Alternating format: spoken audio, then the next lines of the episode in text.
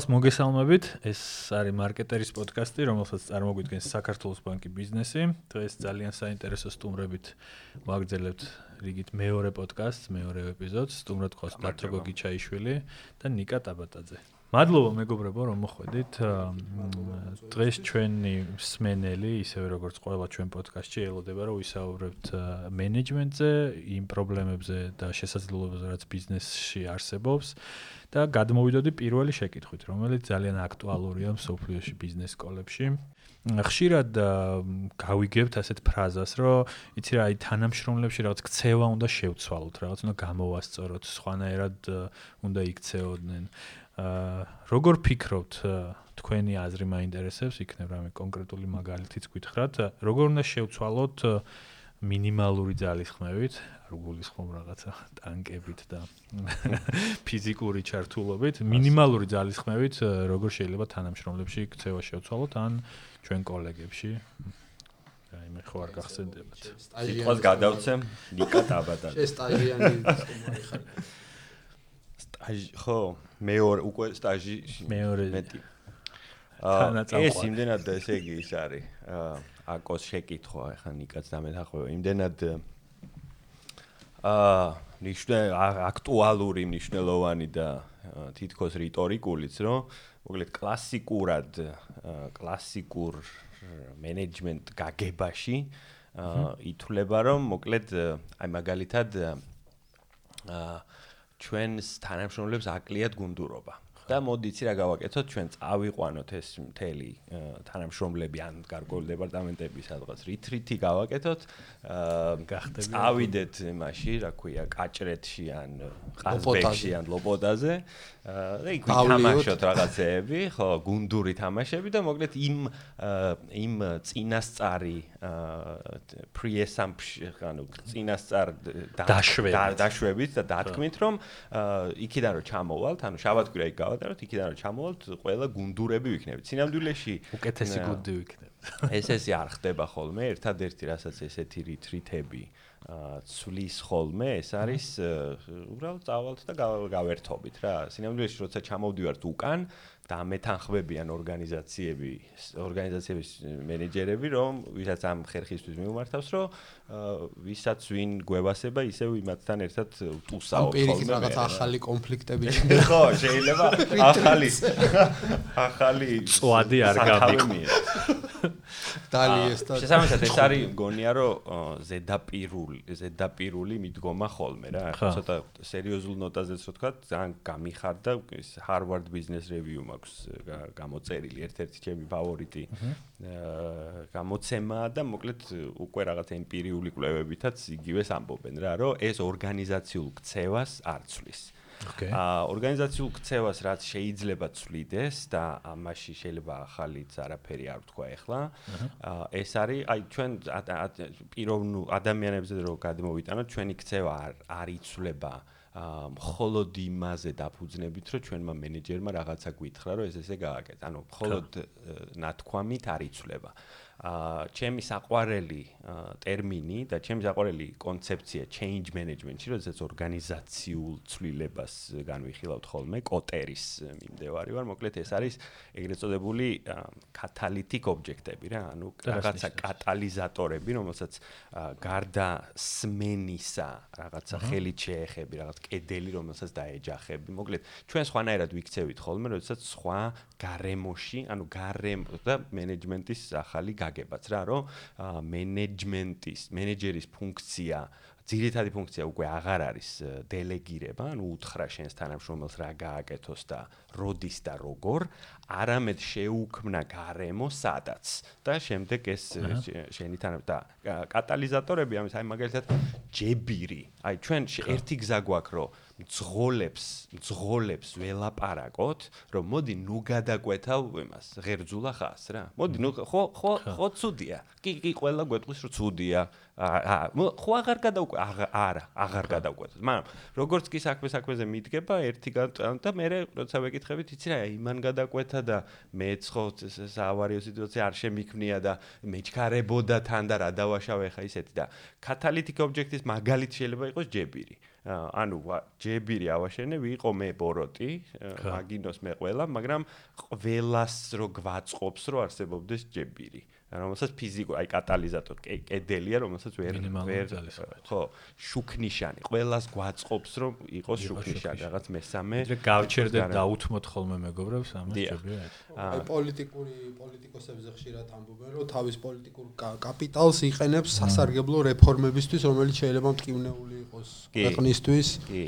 დახარჯო შენი პოპულარობა ბევრი რამე შესწირო ამ რეფორმას მაგრამ შედეგი. გრძელვადიან პერსპექტივაში ქვეყნისთვის მომავალი თაობისთვის იქნება ძალიან სასარგებლო. ხო ტკივნეული რეფორმები მაგრამ საჭირო მაგრამ საჭირო. ხო. ნიკას შემთხვევაში მახსენდება ერთი ესეთი მაგალითი შენ რუსთავიერში მუშაობის დროს გაქ მოყოლილი როგორ მინიმალური ძალისხმევით შეცვალე ქცევა რო თუ შეგილია რო გითხრა ო წეგანაც ვახსენეთ საუბარი იყო ტრადიციულად ქართველებისთვის სამსახურში დილით დაგვიანება. შენ ამ დროს ხარ დირექტორი ხო? მე ამ დროს ვიყავი ახალი ამბების დირექტორი და ხო ისეთი ძალიან სერიოზული პრობლემა იყო ის რომ დილით ხალხი თავის დროზე არ დადიოდა სამსახურში და აგვიანებდნენ და მე ნუ ესეთი საქციელი გადამდები ხდება ხო იცი ხა. ერთხელ დააგვიანებს კაი გაატარებ მაგრამ მე მეორედ სხვა აგვიანებს მესამედ სამი ადამიანი აგვიანებს და რო ეტყვი რომ რატო აგვიანებ ამობენ რომ აი ის იმა რო დააგვიანა მე რას მერჩი და ბუნებრივია და. როგორ გამოასწორე ეს ხო ბევრი ჩხუბის გამო ხელფასის დაკლებით ასე შემდეგ ასე არაფერმა არ გაჭრა ნუ ზოგ ზოგ ადამიანზე გაჭრა ამა ზოგზე არა მაგრამ ყველაზე ეფექტური იყო მეთოდი, როცა ადამიანი რომელიც სამსახურში აგვიანებდა დილით, ეუბნაოდი რომ იცი რა დღეს შენ მოდი დაისვენე. ნუ ყაი მუშავებ, იმიტომ რომ გვიანს მოხვედი სამსახურში, ხო. ცოტა შოკის მომგვრელი იყო.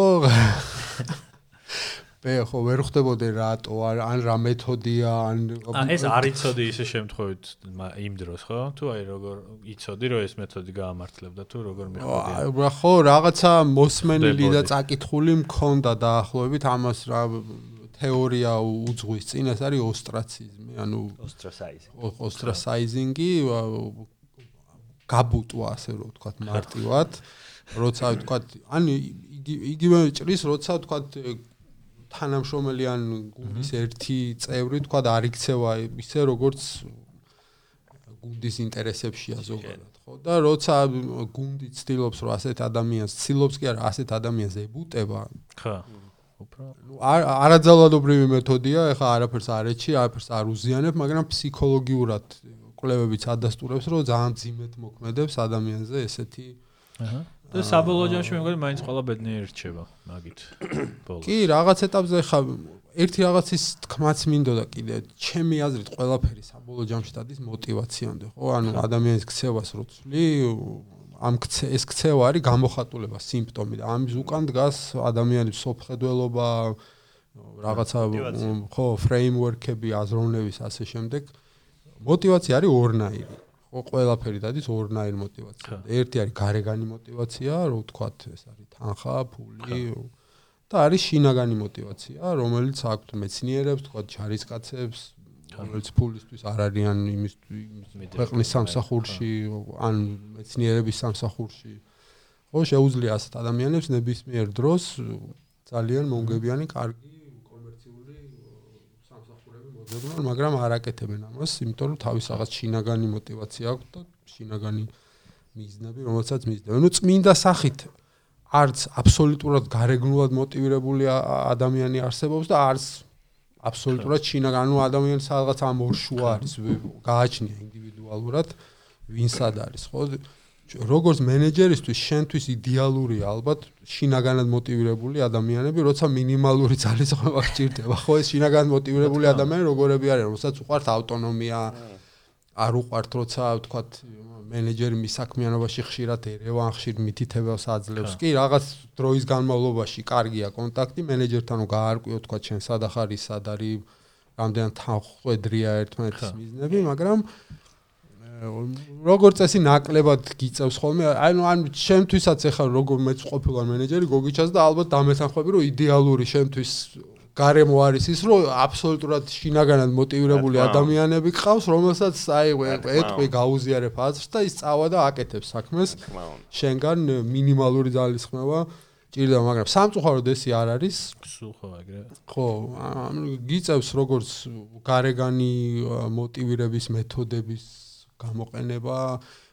ერთ რამეს განვასხვავებდი, რომ ძალიან ძალიან დიდი სხვაობაა ჩემი აზრით სწორ მენეჯმენტს და манипуляციას შორის, ხო? როცა შეიძლება ადამიანს ქცევა შეაცვლენინო და მოახდინო მისი манипулირება, ანუ რაღაც დამალული ისინი ქონდეს, ფარული მიზნები ქონდეს და ადამიანი მაინც და მაინც ვერ ხვდებოდეს რატო აკეთებინებ, ან რატო აკეთებს ამას თუ იმას, რაც პრინციპში ახლა ერთ და ორ სიტუაციაში შეიძლება გაგიმართლოს ამ манипуляციის მეთოდმა, მაგრამ გრძელვალდიან პერსპექტივაში იმდენად ანგრევს შენდობას, კრედიბილიტის, რომ გრძელვალდიან პერსპექტივაში მე მგონი არ მუშაობს. ამიტომ ძალიან სიფრთხილე აქ საჭირო. ნიკას აზრი რომ გავაგრძელო, ერთ კონკრეტული მაგალითი შემიძლია და და შემოვიტანო ესე რომ თქვა. პირველ რიგში დაგვიანების წესი ახლა კომ კარგად იცის, დაახლოებით მსგავსი წესი გვაქვს. ამ ადამიანების მენეჯმენტის კურსზე რა. და ხა ბოლომდე არ გავთქვათ ეს წესი. მაგრამ მოკლედ ჩვენ ვხედავთ თვალნათლივ ძალიან ბევრი ესე იგი თავიდან შეიძლება ვიღაცისთვის ეს ბრჭყალებს რო თქვა უსამართლო გამოდგეს.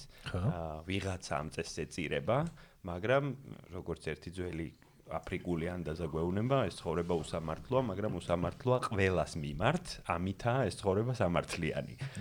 და შემდეგ ესე იგი როგორ ცვლის ეს წესი და ისევ იქამდე მივდივარ ეს არის კატალიზატორი როგორ ცვლის დაგვიანებისადმი ჩვენი თანამშრომლების მიდგომას ამას ჩვენი ესე იგი კურს გავლილები, მენეჯერები და ესენი არიან. ხო, თვითონ თვითონ გვიყვებიან შემდეგ რეფლექციებზე, როგორ აი ესე უცებ შეიძლება შეცვალო ეს მიდგომა. ეს რაც შეეხება დაგვიანებას, როგორც ქცევის შეცვლას. რაც შეეხება ნიკას აზრს, რომ შინაგანი და გარეგანი мотиваცია, მოკლედ სამწუხაროდ ბიზნესების უმეტესობა და ეს ჩვენი ბონუს სისტემები აგებულია გარეგან мотиваციაზე და ჩვენ თითქოს ვიცით ეს ფსიქოლოგიიდან უკვე კარ გახანია თან რა 70-იანი წლების ფსიქოლოგიიდან ეს ვიცით რომ ადამიანი ესე მარტივი ის არ არის რა რომ ხოლო აჰა if then მეთოდი, ანუ თუ შენ გააკეთებ ამას, მიიღებ ამას, ეს მთლად ესე არ არის და ჩვენ ჩვენ გაცილებით ბევრი ეგრეთ წოდებული შინაგანი შინაგანი мотиваტორები გვაქვს.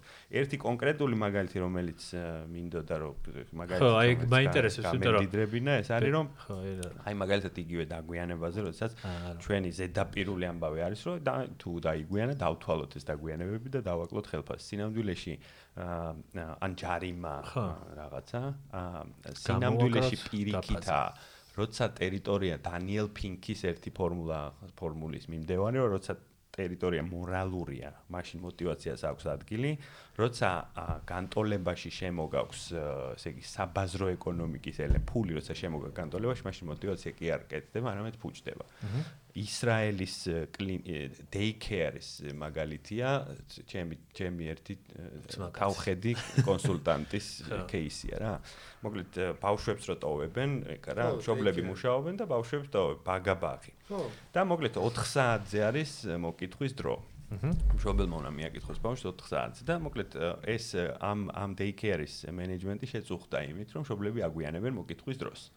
და რა ვქნათ? აი ხა რა ვქნათ და რა თქმა უნდა ზედაპირულად მენეჯერი იტყვის, რომ იცი რა, ამ დეიქე ამ ამ ბაგაბაღის გადასახდელი თვეში ხო ინვოის უგზავნით რა და თუ დაიგვიანა, აღურიცხოთ ეს დაგვიანება და რაღაცა 15 დოლარით სიტყვა 15 დოლარის ეკვივალენტით მეტი გადავახტევინოთ თვის ბოლოს, იმიტომ რომ დაიგვიანა. ყოველ დაგვიანებაზე 15 დოლარი.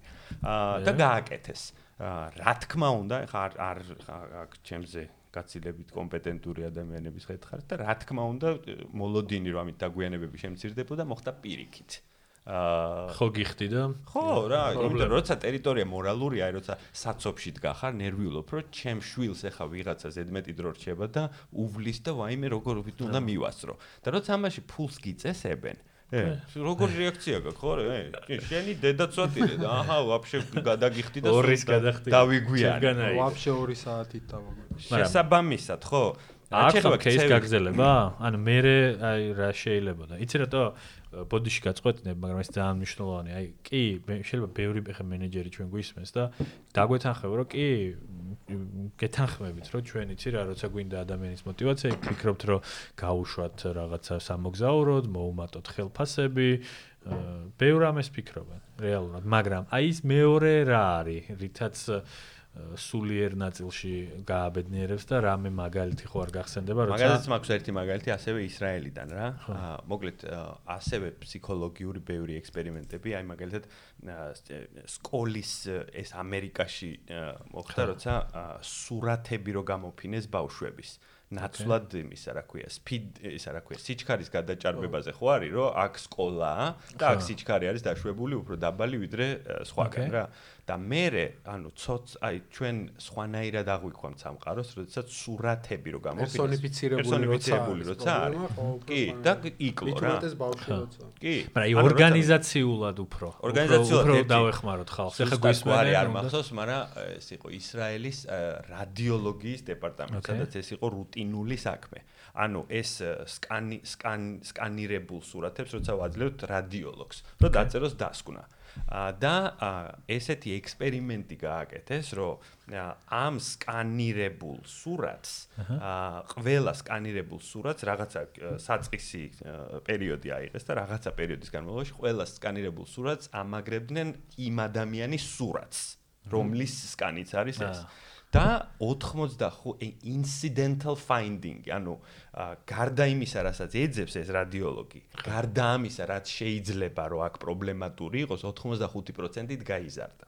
რატომ? იმიტომ რომ როცა სურათს უყურებ, რაღაცა სხვა პონტი არის რა, პერსონიფიცირებულია და თითქოს ადამიანური კონექშენი ხდება. აა, ხო, გახსოვთ აი სერიალი ბავში რო დაიღუპა თურქეთის სანაპირო არის, ყოს გამო გამო რა სურათ სურათის მაგალითად თო მოახდინა რამხარ თუ მანამდეც ვიცოდით ეხლა რამდენიმე 1000 იღუპებოდა ხო სიდის ციფრებში ციფრებში ვიცოდით ციფრები ვიცოდით სტატისტიკა ვიცოდით მაგრამ როცა კონკრეტული ბავშვის სურათმა იმოქმედა ეს. ნახეთ, ხო, დამანგრეველი იყო ფსიქოლოგიურად. ნიკა, ისევ მექნება შენთან შეკითხვა მსმენელისთვისაც რო გასაგები გახდეს ეს ამბავი, შენ გაგ ძალიან დიდი გამოცდილება ბევრ ადამიანთან მუშაობის, რომლებიც საკმაოდ სტრესულ გარემოში უწევდათ მუშაობა და ჟურნალისტები, ხო?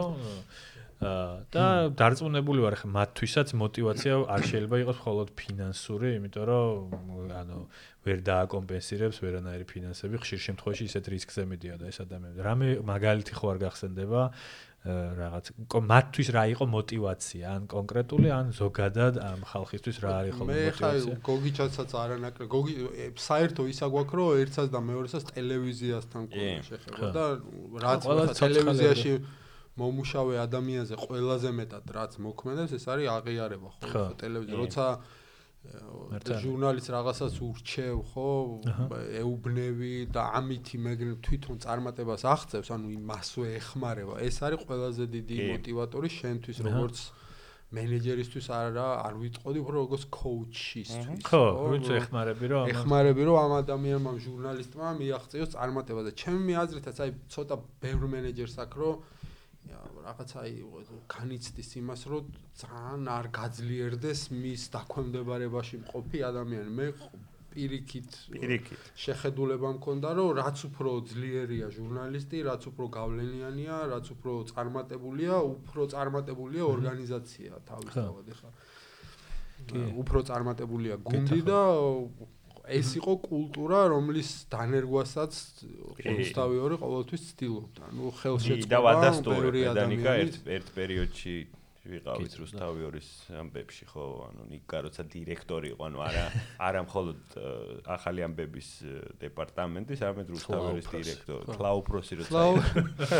ხო და ანუ ეს იყო აღიარება წარმატების მიღწევა, ყველაზე დიდი мотиваტორი რუსთავიორის, იმიტომ რომ იქ ახლა მუშაობდნენ ჟურნალისტები, რომელსაც ახლა 15 ლარსო დააკლებდი და 20 ლარს, ან თქვა დგინაც 200, ან ხო, ან პირიქითაც ახლა ჟურნალისტები იყვნენ, ბევრი ახლა კონკრეტულად არ დავასახელებ, რომელსაც ხელფას რომ მოუმატებდი და პრემიას რომ მიცემდი, ხო, ეს არ იყო მისთვის. კი, კარგი იყო, რა თქმა უნდა, მაგრამ ეხა მისთვის თავარი იყო შექება, ხო? აი რომ თქვა იქ სხვა ჟურნალისტიც ეტყოდა ან კოლეგა ეტყოდა ან მენეჯერი ეტყოდა ვიღაცა რომ აუ რა მაგარი რეპორტაჟი იყო, აუ რა მაგრად თუ შენ გიყურებდით და ყოჩაღ და ასე შე. ამაზე დიდი აღიარება ძალიან მაგარი სიამოვნება. ისე გარემოში ხო, кайფი ძალიან მაგარი. ხო, ასე რომ. ო, შეუძლებელი რესპონდენტი გაჩითა. გაჩითა ხო. ანუ მანდაც გრადაციები ოპერატორი მაგალითად მოტივირდება, რომ რა მაგარი კადრი გა. ანუ შენ უნდა იცოდი როგორც მენეჯერმა იმას საუბრო ენა რა. ანუ რესპონდენტი გააძრო თუ შეიძლება იყოს რეპორტიორთან ეს სალაბარაკო ენა რეჟისორი. აი მე მაგალითად მახსოვს როდესაც ნიკას დირექტორობის დროს როცა იუმორისტულ პრო- პროექტებს ვაკეთებდით სამოტივაციო სქემა მოკლედ ქონდა საუკეთესო ხუმრობების მოკლედ ყოველი გადაცემის და ყოველი გამოშვების სერიალზეც იყო რა. საუკეთესო ხუმრობებს ვავლენდით და ამ ხუმრობების ავტორები ეწერებოდა წითლად აა, და ეს გამიზნულად და სპეციალურად არ იყო მიბმული ბონუს სისტემასთან. ანუ რამდენსაც მეც და ხო, იყო. სხვა მოტივატორი გაიჩითა მე რა. მე იქ გაიჩითა ერთმანეთთან როგორი შეჯიბრება. იცი, ოღონდ ჯანსაღი რა. მე რაღაც რეგიონებს შორის ისენი გაიჩითა რაღაცა ისა ქუთაისმა ამ შემთხვევაში იმას მაჯობა და რაღაც და ანუ თავისთავად ეგ გამოდგა მოტივატორი რა. ფაქტობრივად აღიარების რაღაცა ფორმა რა. ხო. დიდი მადლობა ეს პირველი თემა. ამოვწურე ეს ეს თემა შეიძლება ისე ვილაპარაკეთ რომ ეს ამო ეხლა რომ დაიდება. არა, ერთი რაღაცის ხსენება მინდოდა, აი კლასიკური განმასხვავებელი ამ მოტივატორების თუ უყურებთ ან ნანახი გაქვთ ბილიონს ესეთი სერიალი ხო როგორ არის? აი კლასიკური განსხვავება რა ხო მულტიმილიარდელი hedge fund-ის მენეჯერი მთელი მისი мотиваცია არის ფულზე დამყარებული, ხო? თანამშრომლებისაც, ქვეშევრდომებისაც, პარტნიორებისაც, აი სულ ფულ პირველი ინსტინქტი არის, რომ ფულით, ფულით, ფულით გნას და ამავე დროს ეს პროკურორი, ხო, რომელიც რომელიცვისაც ფული პრინციპში არ იმ ოჯახს ახლა იმდენი ფული აღარ არის მისთვის мотиваტორი ფული და აბსოლუტურად ძალაუფლე bis მოპოვების და მოტივატორი, მოტივაცია გამდიდ- აქვს. ხო მოდი აი კლასიკური მაგალითია ორი მოტივაციის და თუ დააკვირდებით ადამიანებსაც რომელიც ამ ორ ერთი კომპანიაა და მეორე თქვა public სექტორია საზოგადოებრივი სექტორია რამდენად განსხვავებული მოტივატ მოტივაციები აქვთ იმ თანამშრომლებსაც რომელიც იქ მუშაობენ ხო? გადამდებია ხო? გადამდე კულტურა ხო? ანუ ის ბუნებრივად იზიდავს ერთი ორგანიზაცია ისეთ ტიპაში და მეორე ორგანიზაცია არა მაქვს ნანახი მე ბილიონს ესე ეხლა კიდე ახალი სერიალია Succession ისიც ძალიან კილიანი არის ესეთი ჩემი ძმაკაცი შენ იცნობ კი. აკო მე მგონი. კილიან ვაო ნაი მაშ ჰოლანდიაში ვებსტერის უნივერსიტეტში ვასწავლიდით ერთად რა ორგანიზაციულ ფსიქოლოგიას ასწავლიდა და იყო ABN AMRO-ს კონსულტანტი ABN AMRO ბანკი ჰოლანდიური ხო კიდევ არის კი, მეორე სანტანდერი არის, ანუ სიდიდით მეორე. და შემთხვევა არის, როდესაც ერთ-ერთ executives, ბანკის ერთ-ერთ executives, ად general manager-ი აძლევს კონვერტით checks 2 მილიონ 2 მილიონ ნახევარი ევრო. წლის ბონუსი რა. 2 მილიონ ნახევარი ევრო. ის მერე. ტაქსების გადასახადები. ნეტ. აგარ ევრო, აბსოლუტურად ევრო და მოკლედ ხსნის ეს ამას. და აი ეს წელი რო კარგად იმუშავე და შენმა მიმართულებამ რო კარგ შედეგებს მიაღწია, შენ ამაში გეკუთვნის 2 მილიონ ნახევარი ევრო და პირველი რასაც ის ამბობს, არის რომ სხვებს რამდენი მიეცითო. ანუ არა, ანუ მისთვის არ ყველაფერი ანუ 2 შედარებით მილიონ ნახევარს კი არ ქონდა, არამედ ქონდა რომ სხვებთან შედარებით შედარებით სად ერთ საინტერესო ამბავს მოგიყვები კიდე ადამიანი რო კონტრასტის მსხვერპლია და საერთოდ კონტრასტებით რო აზროვნებს. წარმოვიდგინე, ჩემი ნაცნობია, რომელმაც იყიდა კრიპტოვალუტა ერთ-ერთი, რომ მაშინ როდესაც ღირდა 8 ცენტი. არა, ბოდიში 80 ცენტი. მ, ევრო ცენტი. მ. ა, მე რო ამ ადამიანს ვესაუბრები აი მომენტში, რომელიც გახსენებაც მინდა, ეს კრიპტოვალუტა ღირს სადღაც 300 ევრო. აა, ამან ჩადონუ დაახლოებით 50000 ევროს კრიპტოვალუტა იყიდა, მაშინ როდესაც ის ღირდა 80 80 ცენტი. ევრო ცენტი. ეხა ღირს 300 ევრო. მაგრამ ეს ადამიანი როგორი უბედური, იცი, რომ აი გაუბედურებ. აჰ, აი, ვაიმე და ეს როგორ დავემართა და რატო? მ. ერთი თვით ადრე, სანამ ეს 300 ევრო გახდებოდა, ღირდა 1000 ევრო.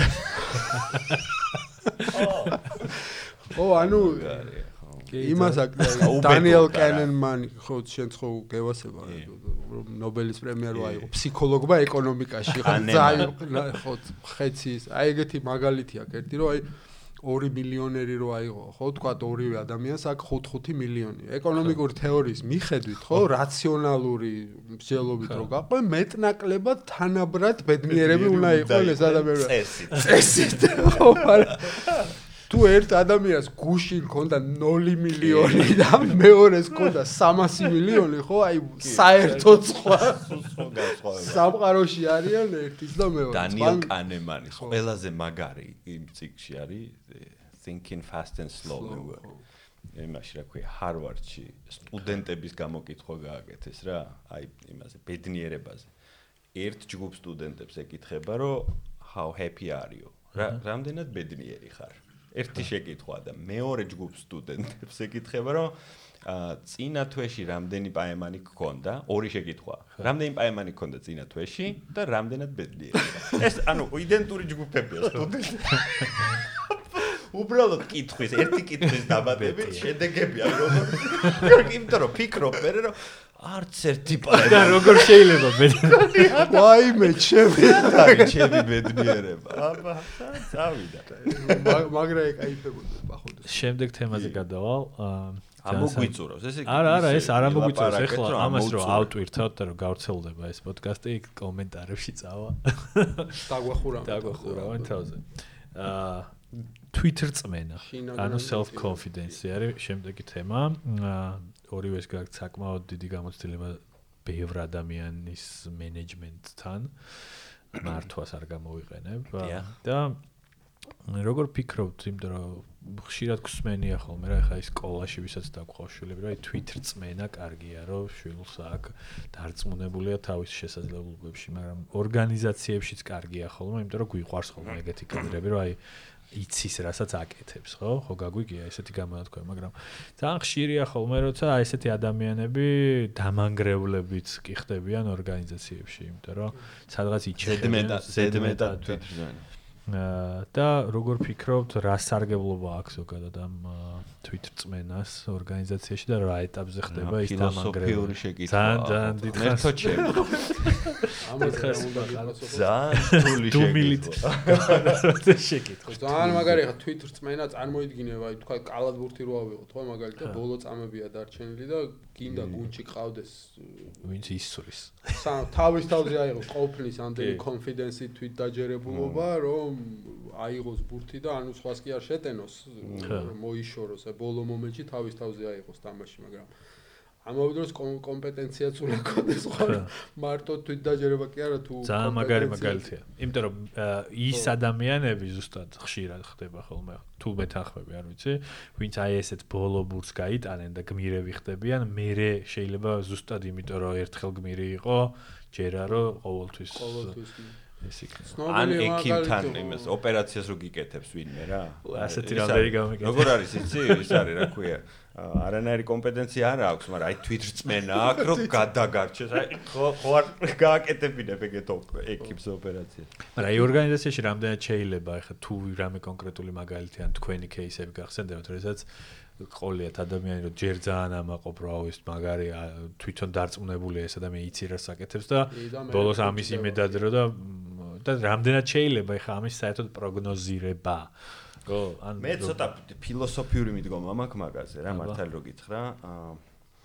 ერთი რო თითქოს კარგია, საკუთარ თავში დარწმუნებულობა და რაღაცა ცოდნა და გამოცდილება რო გაქვს და უფრო თამამი ხარ თითქოს, მაგრამ მეორე მხრივ აა პროფესია, აი კადრების შერჩევის დროს რა მიდგომაც არის რა, ერთი გამოცდილი კადრი გვჭირდება თუ ისა რა, მოყვარული, მოყვარული, რომელიც ამას უფულოდაც კი ენთუზიასტი, მოტივირებული და არიქა აქედან მთე- მთებს გადავდგა, მე ხა გა- გა- გადავაგორებ. აა ჩემი გუ და არ ვამბობ რომ ეს ის არის ჭეშმარიტება, უბრალოდ რაღაც ფიქრის ორი სკოლიდან მე ვეკუთვნი იმას, რომ იმ სკოლას რომელიც ამბობს, რომ აა მოყვარულ პროფესიონალებმა ააგეს ტიტანიკი, მოყვარულებმა ააგეს კიდობანი. აა, მოყვარული სხვა ის არის რა, რა ქვია, აი flows თეორიაც ხომ მაგას და ყველაზე მოტივირებული და ყველაზე მუღამი ადამიანი არის, როდესაც რაღაცის შესწავლის პროცესშია რა, დანიელ პინკის მიხედვითაც მოკლედ აი მასტერი ერთ-ერთი როგორიც ის არის. flow-ში როცა ხო, ხარ. რაღაცა რომ ოდნავ როგორ- რთული რომ არის და ცოტა ძალის ხმამას და მუღამ, ანუ მუღამში როცა ხარ რაღაცის მაგრამ ის ხო ძალიან დროს დიდი გიცნობ. რომ ის და- დაიქირაო, რომელიც რაღაცა უფრო მე მგონი ხო თუ შეიძლება რომ რაღაცა ჩავერთო ცოტა ეგ self confidence უფრო კავშირშია იცი რასთან რომ აა უფრო decisive ხარ ანუ უფრო ჩქარაღებულობ გადაწყვეტილებებს. ხო და როცა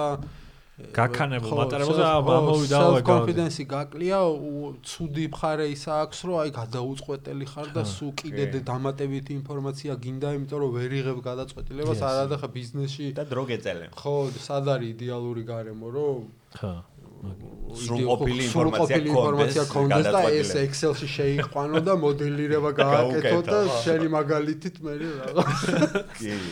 ხო, ანუ ორი ექსტრემალური სიტუაციაა რა და ხშირად რაც ანუ ეს self confidence როცა აქტივი ადამიანისთვის ანუ ასეთი რა დადებითი მხარე რაღაც ეტაპზე შეიძლება პირიქით აი coach-მა ალბათ შეგვია რომ ვინც არის მთავარი ან მენეჯერი იმან დააკვესჩენოს ან კითხვის და ნიშნებს ხო მაგრამ ამ ამ self confidence ადამიანებს რაღაცა მე ცოტა რაღაც ეტაპზე უჩნდებათ ხო აი ის რომ აი რა ანუ აღარ იღებს ხო ხო. აღარ იღებს დამატ აი კრიტიკას ძალიან მტკივნეულად აღიქვამს ვერ შენიშვნას ვერ იგივე. შენიშვნას კი არა რაღაცას ვერ ვერ დაელაპარაკები რა და აი რამე ხო არ შეიძლება ზუსტად მან რომ ამას ძალიან ბევრი ორგანიზაცია განიცდის ამ ტკივილს დღეს საქართველოში ხო, ყველაზე ის არის ნათელი მასწავლებელია შეცდომა ხო როცა ხო. წვირს წაიტეხავს და მაშინ სწავლობ ყველაზე მაშინ ყველაზე მეტად. ურჩიოთ რომ ბოლომდე შეცდომამდე მიიღო ეხლა რაღაცები რომ რაღაცა გეტკინოთ, ვერ რომ- ვერ აკონტროლებ ხო ეხლა რაცა ხო. უნდა შეეცადო რომ ესეთ ადამიანს რაღაცა თვალები აუხილო ან ან შე- ჩემ თავზეც რო ვილაპარაკო რა ხო ეხლა რამდენი მქონია ხო. შეცდომები იმის გამო რომ ჩემი over confidence-იდან რა გამოცდილება არის ხო. ყველაზე დიდი მასწავლებელი რა მე მგონი. ამას წინათ ნახე, ხო, ეს იგივე დანიელ კანემანის მიხედვით ეს ეგ კონფიდენსი ტვინის ხაფანგია ერთ-ერთი ხო. რომელიც გადაიზრდება მე over confidence-ში. ბიზნესში ამის მაგალითია, რომ აი მოდი, მოდი რაღაცა მანქანების დილერშიპი გავხსნათ, ბაზრის კვლევა გვაქვს და და ფორკასტი ვიცით, მაგრამ 200 მანქანა თუ გაგვეყიდება ამ სეზონზე, მიდი კაცო 250 მოიტან რა გუ- გული მიგძნობს რომ გაგ- გაგვეყიდება. ტელევიზიაში ეს ესეთი გადაცემა ამას ყველა უყურებს. ყველა თავს დავდებ რომ ყველა ანუ ყველა სჭირდება ასეთი გადაცემა ზედმეტად რო ვიყიდეთ რუსთავ. მერე? არა, ხო, რამდენჯერ უნდა არა არა არ ვიცი ეს ისტორია. 2006 წლის სოფლიო ჩემპიონატი. ნუ აი ეს როგორი დარწმუნებული. კი, სოფლიო ჩემპიონატი. ამაზე მაგარი რომ არაფერი. ამაზე მაგა ეხლა შენთვის ხო სოფლიო ჩემპიონატი სოფლიო ჩემპიონატზე უკეთეს შეგიძლია უყურო რა. არა. და რა ხდება ამ დროს ყველა მიყიდა თუ არა, არა, ყველა არა. მიყიდა. თან რაღაც საშინელი კონკურენცია იყო მაშინ და ნუ აი რომ ყველაფერი კიდე რო არ გაღრმავებულიყო ეს კონკურენცია რაღაც კატასტროფული თანხა გადავიხადეთ და დაიწყო პირველი თამაში იყო გერმანიაში იყო სოფლიო ჩემპიონატი. გერმანია და ვიღაცა თამაშობს და ვზივა რუსთავიორს მისაღებში და პირველი თამაში დაემთხვა მექსიკური სერიალი იყო მადრასტრა. თუ ვენესუელა გაერკვა რა რა გვარი იყო ეს თავარი არ მაგ ვიქტორია რუფო ისტორია რუფო. როგორ მადრა სიმწრით და ბიჭო რო ჩაირთო ეს ტელეფონი და ქალები, ქალებს ნუ აღარ მომოფე ხარ. კაცები, ბავშვები, თინეიჯერ, თქვენი დედა და რატო არ გადის? ვის რა თუნდა თქვენი ფეხბურთი.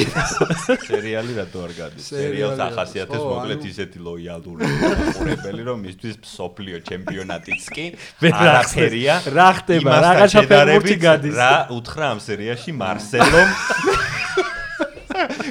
კალბატონ სანდრა. აა ანუ ორი ორი ის აქვს რა რომ დავამთავროთ ისაც. ერთი რომ over confidence, ანუ ზედმეტად თვით დარწმუნებულობა და ეგ უკვე ვიცით, აი დანინ კრუგერის ეფექტი მაგის э, ნათელი მაგალითია, რომ რაც უფრო ცოტა ვიცით, უფრო თვით დარწმუნებულები ვართ. ხო მაგრამ როგორ აგძნობინებდი დათო შენ ხო იცი რომ ეს პრობლემა სულ მეორდება ჩვენ კონსალტინგ ნაწილში რომ აი ყავთ ორგანიზაციაში თანამშრომელი რომელიც პასუხს ამბობს, რომ რაღაც მე აქ 20 წელია ამას ვაკეთებ. თქვენ როგორ შეიძლება რამე ჩემზე უკეთ იცოდეთ და აა ეს shareholder-ები ან management ჯგუფი ან აი შეღონებული და შეწუხებულია.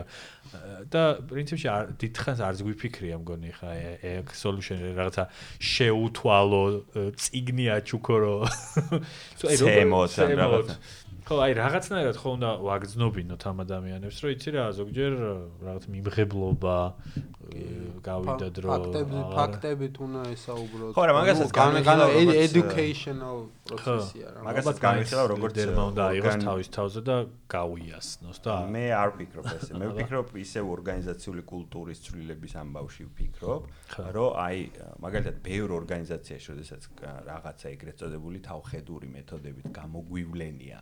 ეგრეთ წოდებული opinion leader-ები რა, ანუ ავტორიტეტები დეპარტამენტებში. აა ესე იგი პარადოქსია, მაგრამ ეს ავტორიტეტები აა ჩითავენ ხოლმე არა ვეტერანებიდან, ანუ ვინც 20 წელი ამ სამსახურშია და მან ყველაფერი იცის, არამედ ახალმოსულებიდანაც და ეს ავტორიტეტები გამოვლენ ერთმანეთის გამოკითხვის შედეგად რა. და ანუ შემოვლითია გზა რა, ესე რომ მენეჯერმა დაისვას კონკრეტულად პრობლემა. და მოდი ამაზე ვილაპარაკოთ, რომ შენი მიმღებლობა გაიზარდოს, ეს საუბრის დასაწყისში ვახსენეთ, რომ ეს ესე არ ესე მარტივად ეს ქცევა არ იცვლება რა. ეს ქცევა იცვლება ისევ აი ორგანიზაციული კულტურის კონტექსტში, ხო? ეს ესე არის იგივე. აი ეგ არის რა პრინციპში? კარგი მენეჯერის მთელი უნარი ეგ არის რომ ესეთი კონფლიქტ მენეჯმენტი შეძლოს ჯანს სანამ ჯანსაღია რა ეს კონფლიქტი. ანუ პიროვნულ კონფლიქტი არ უნდა გადაზარდოს მუდმივად ამ პროცესის თან უნდა წაახალისო, თან უნდა მართო ისე რომ არ გაიქცეს და რა ფეთქოს თელი ორგანიზაცია. შენ არა, ნუ ორგანიზაცია არ დააზარავოს რა თავიდან ბოლოს. ესეც ამოწურეთ და ბოლო შეკითხვა, კონსულტანტები ხართ, ხშირად გეძახიან და როგორ ფიქრობთ აი ორგანიზაციებში რაში ჭირდებათ ხოლმე ეს კონსულტანტები და რატომ აღარ უყვართ ხოლმე რაღაც ეტაპზე? ძულ, ძულ, ძულვილი როდის მოდის.